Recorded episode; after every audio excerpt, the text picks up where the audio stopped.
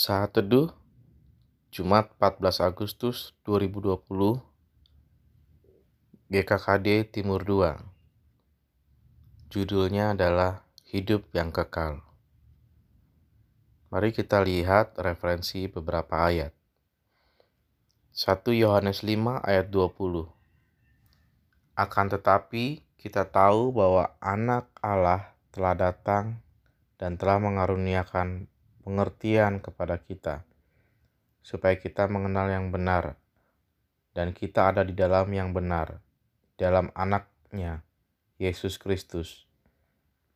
Dia adalah Allah yang benar dan hidup yang kekal.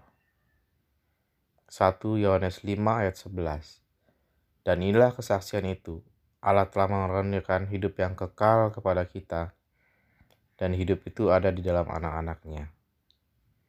Yohanes 17 ayat 3 Inilah hidup yang kekal itu, yaitu bahwa mereka mengenal Engkau, satu-satunya Allah yang benar, dan mengenal Yesus Kristus yang telah Engkau utus. Apakah hidup yang kekal? Apakah betul hidup yang kekal adalah kehidupan setelah kematian? Mari kita bahas lebih lagi.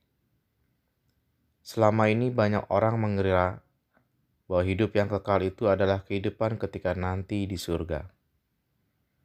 Hidup terus-menerus tanpa ada kesusahan, sakit penyakit, dan kematian. Namun ternyata tidak demikian.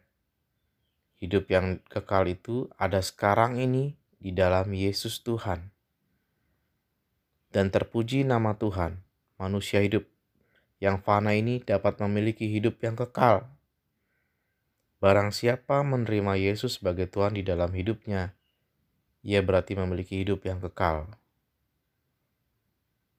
Namun, Alkitab menjelaskan lebih detail lagi bahwa hidup yang kekal itu bukan suatu yang datar-datar saja, hanya sebagai status pernah berdoa menerima Yesus sebagai Tuhan dan Juru Selamat.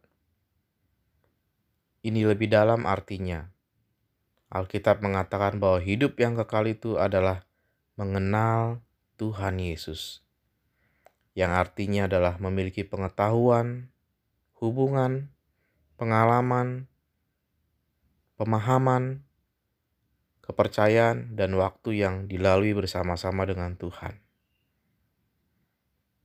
Tuhan memberikan kehidupan yang kekal, hidup yang tetap, kepada kita. Dengan kata lain, memiliki hubungan, kedekatan, dan waktu bersama adalah penting bagi dia. Melalui perenungan ini, baiklah kita mengerti bahwa ada Tuhan yang selalu bersama-sama dengan Anda dan saya, memberikan waktunya setiap saat untuk dapat memiliki hubungan. Apa pun aktivitas yang kita lakukan, ia selalu ada bersama kita dan menanti setiap kata yang terucap dari hati. Mari kita menyadarinya bahwa mengenal Tuhan Yesus adalah arti sesungguhnya dari memiliki hidup yang kekal. Terima kasih.